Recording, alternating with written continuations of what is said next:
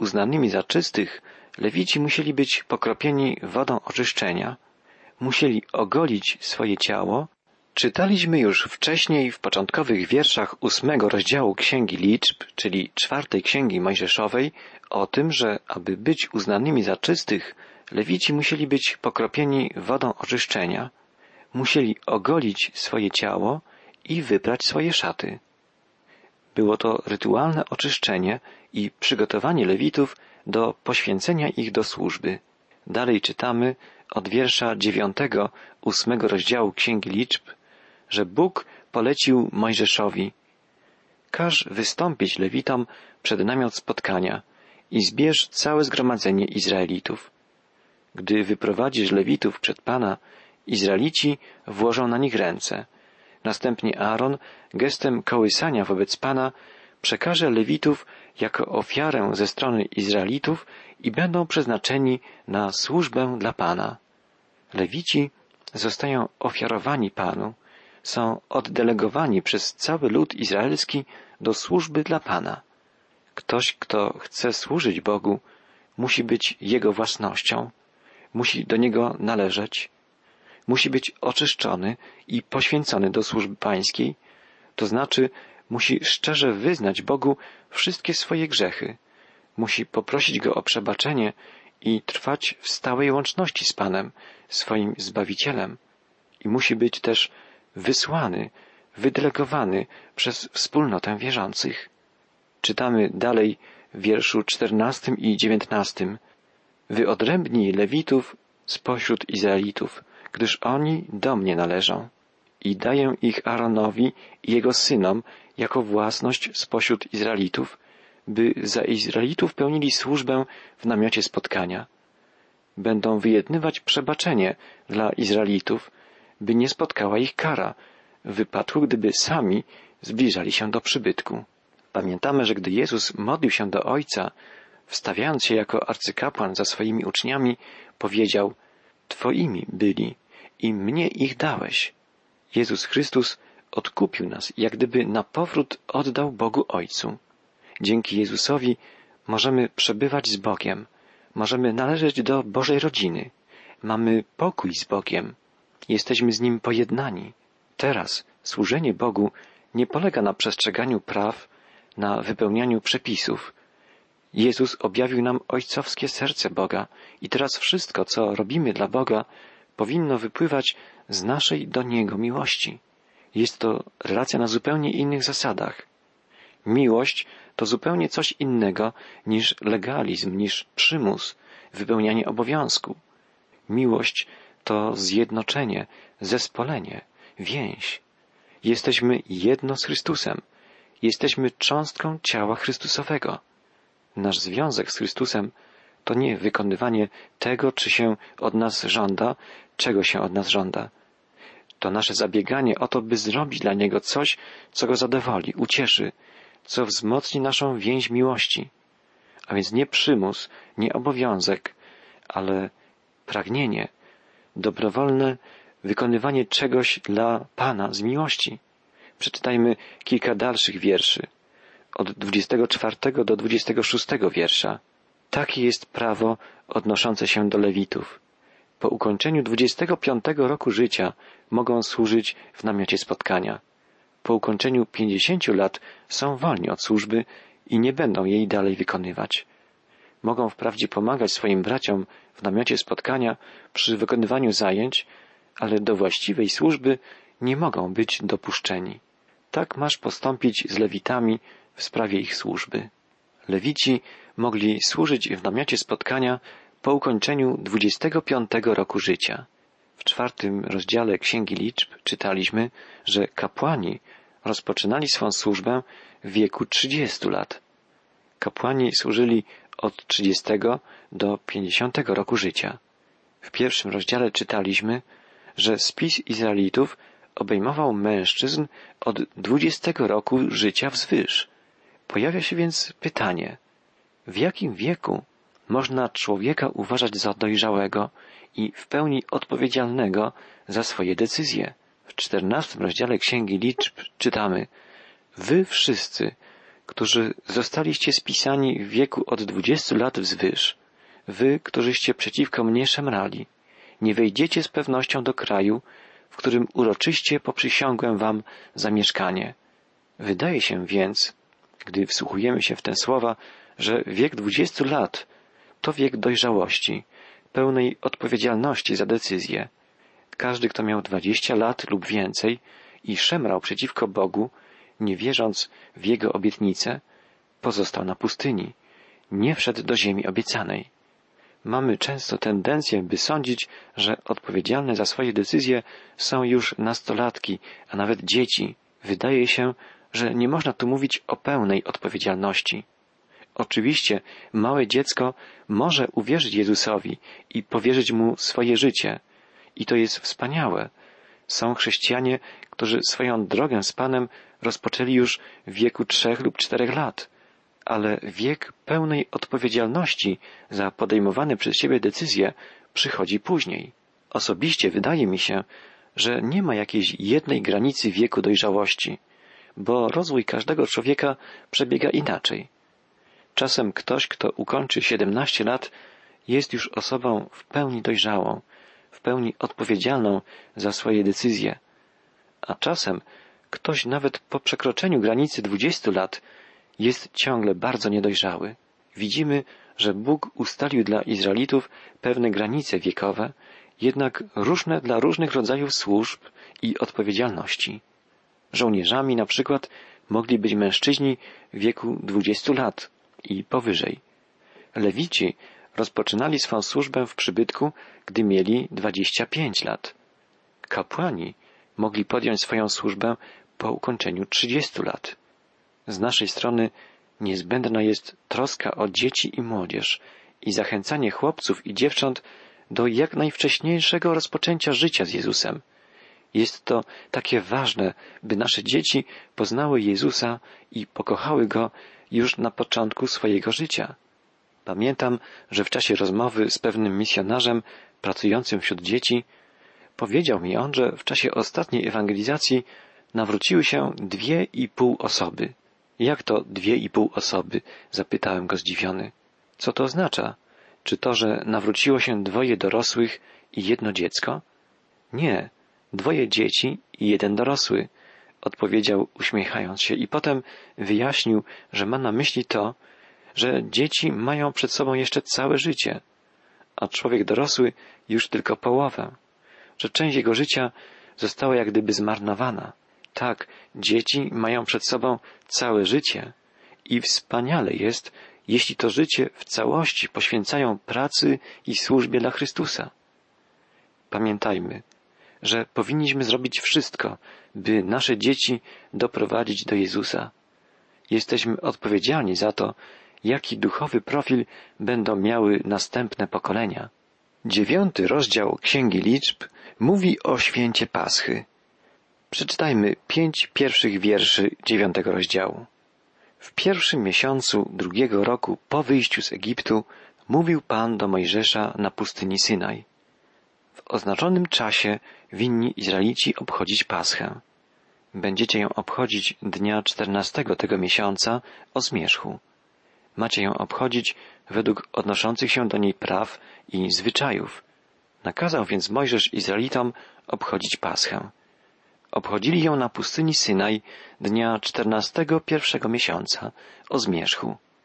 Izraelici wykonali dokładnie wszystko, co Pan nakazał Mojżeszowi.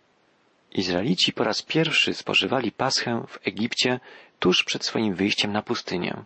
Teraz rozpoczyna się drugi rok ich pobytu na pustyni i Bóg poprzez Mojżesza przypomina im o tym, że Pascha przypada na czternasty dzień pierwszego miesiąca i że wszyscy powinni obchodzić Paschę według odnoszących się do niej praw i zwyczajów. Pojawia się jednak pewien problem. W szóstym wierszu dziewiątego rozdziału czwartej księgi Mojżeszowej czytamy Znaleźli się jednak mężowie, którzy z powodu dotknięcia zwłok ludzkich zaciągnęli nieczystość i nie mogli w tym dniu obchodzić Paschy. Mężowie ci stanęli w owym dniu przed Mojżeszem i Aaronem i rzekli do nich Zaciągnęliśmy nieczystość z powodu dotknięcia zwłok ludzkich. Czemuż więc mamy być wykluczeni ze złożenia daru ofiarnego dla Pana w oznaczonym czasie razem ze wszystkimi Izraelitami? A Mojżesz im odpowiedział, zaczekajcie, a ja posłucham, co Pan względem was rozporządzi. Mojżesz zwrócił się z prośbą o rozstrzygnięcie tej kwestii bezpośrednio do Pana. My dzisiaj również powinniśmy pytać Boga o pomoc w podejmowaniu wszelkich ważnych decyzji. Odpowiedzi powinniśmy szukać w Bożym Słowie. Pismo Święte jest naszym najwyższym autorytetem. Oczywiście istnieje problem różnych interpretacji Bożego Słowa. Ale właśnie dlatego powinniśmy ciągle czytać i rozważać Biblię, wsłuchiwać się w głos Boga. Bóg udzielił Mojżeszowi jasnej odpowiedzi. Czytamy od dziewiątego wiersza dziewiątego rozdziału. Pan w ten sposób przemówił do Mojżesza. Tak mów do Izraelitów. Jeśli ktoś z was albo z waszych potomków zaciągnie nieczystość przy zwłokach, albo będzie w tym czasie odbywał daleką podróż, winien mimo to obchodzić Paschę dla Pana. Ci wszyscy winni ją obchodzić czternastego dnia o zmierzchu w drugim miesiącu. Powinni wtedy spożywać chleb przaśny i gorzkie zioła. Wszyscy, którzy z powodu rytualnej nieczystości albo z innych ważnych względów nie byli w stanie spożyć paschy w normalnym terminie, mieli obchodzić to święto miesiąc później, w czternastym dniu drugiego miesiąca roku. Dalej czytamy o widzialnej manifestacji Bożej obecności w obozie Izraela. Wiersze piętnasty i szesnasty opowiadają, co następuje. W dniu, kiedy ustanowiono przybytek, okrył go wraz z namiotem świadectwa obłok i od wieczora aż do rana pozostawał nad przybytkiem na kształt ognia. I tak działo się zawsze. Obłok okrywał go w dzień, a w nocy jakby blask ognia. Izraelitom towarzyszył stale obłok Bożej chwały, zwany Szekinach. Był to znak wybrania ludu Bożego, jeden z wielu znaków odróżniających naród wybrany spośród innych narodów. Gdy apostoł Paweł pisał do Rzymian o Izraelitach, a sam był jednym z nich, napisał Do nich należy synostwo i chwała i przymierza i nadanie prawa i służba Boża i obietnice, że do nich należą ojcowie wiary i że z nich według ciała pochodzi sam Chrystus. Jak widzimy, było wiele znaków potwierdzających wybranie Izraela, przeznaczenie tego narodu do wypełnienia szczególnej misji. I jednym z tych znaków był obłok Bożej chwały, obłok prowadzący ich przez pustynię, obłok spoczywający nad wiekiem skrzyni przymierza, nad miejscem najświętszym. Naród izraelski był jedynym narodem, pośród którego Bóg w sposób widzialny manifestował swoją obecność. Dalej czytamy, kiedy obłok podnosił się nad przybytkiem, Izraelici zwijali obóz, a w miejscu, gdzie się zatrzymał, rozbijali go znowu. Na rozkaz Pana Izraelici zwijali obóz i znowu na rozkaz Pana rozbijali go z powrotem. Jak długo obłok spoczywał na przybytku, pozostawali w tym samym miejscu. Nawet wtedy, gdy obłok przez długi czas rozciągał się nad przybytkiem, Izraelici, posłuszni rozkazowi Pana, nie zwijali obozu.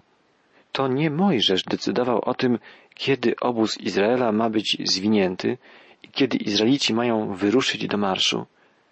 Nie on decydował, czy mają wyruszyć w drogę następnego dnia, czy mają pozostać na miejscu przez wiele tygodni. Decydował o tym Bóg. Dzisiaj musimy pamiętać o tym, że głową Kościoła jest Jezus Chrystus. To On, żywy Bóg, zmartwychwstały Pan, w którym manifestuje się pełnia chwały Bożej, powinien prowadzić nas na co dzień.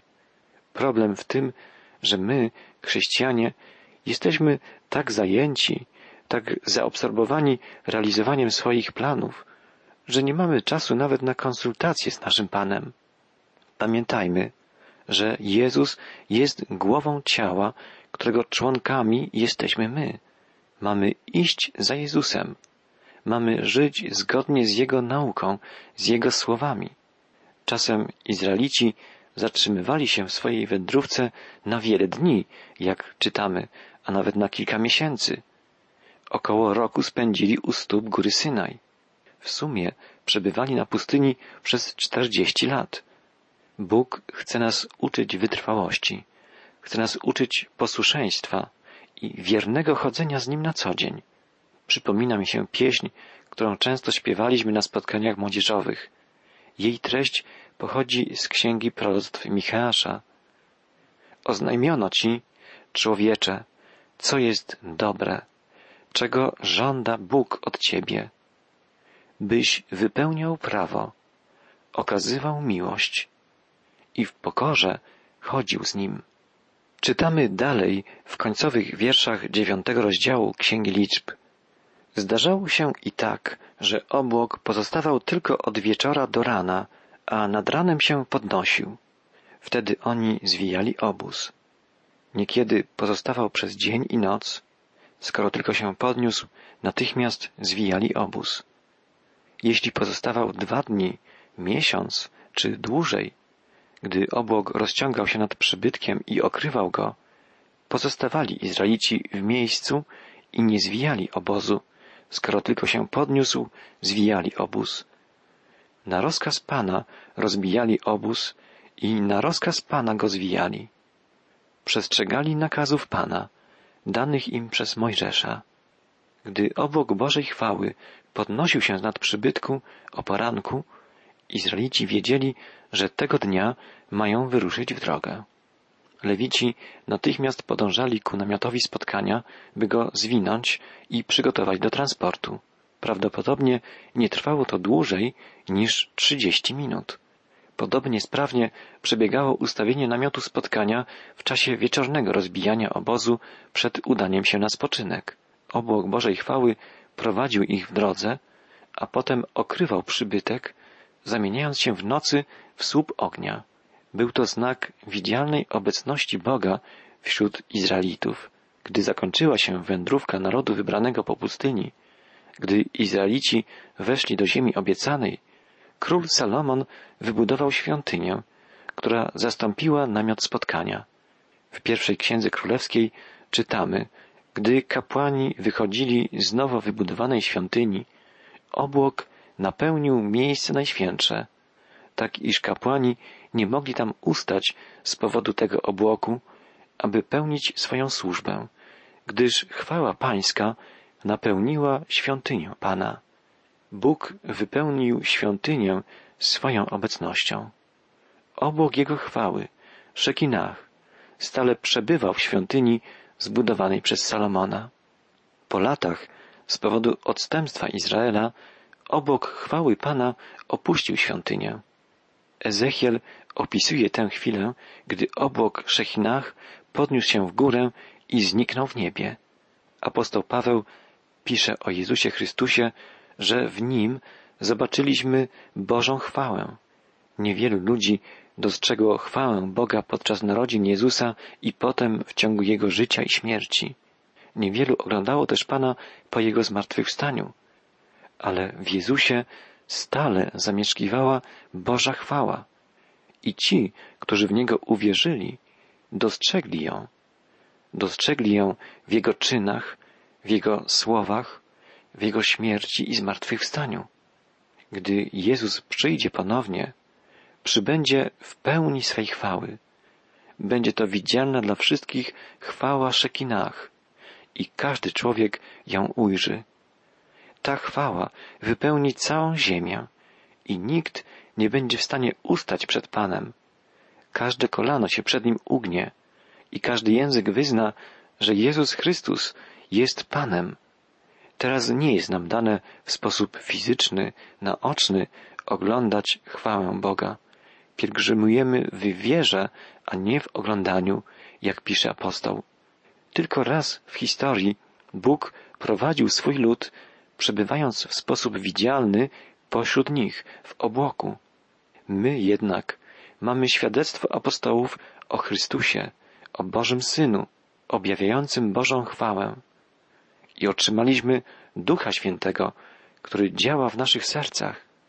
Wprawdzie nie możemy go zobaczyć, ale odczuwamy Jego działanie. Duch Chrystusowy pragnie nas przemieniać, pragnie nas wypełniać, tak żebyśmy to my stanowili Bożą świątynię, pełną chwały Pana. Jakże cudownej lekcji Bóg udzielił nam dzisiaj, drogi przyjacielu.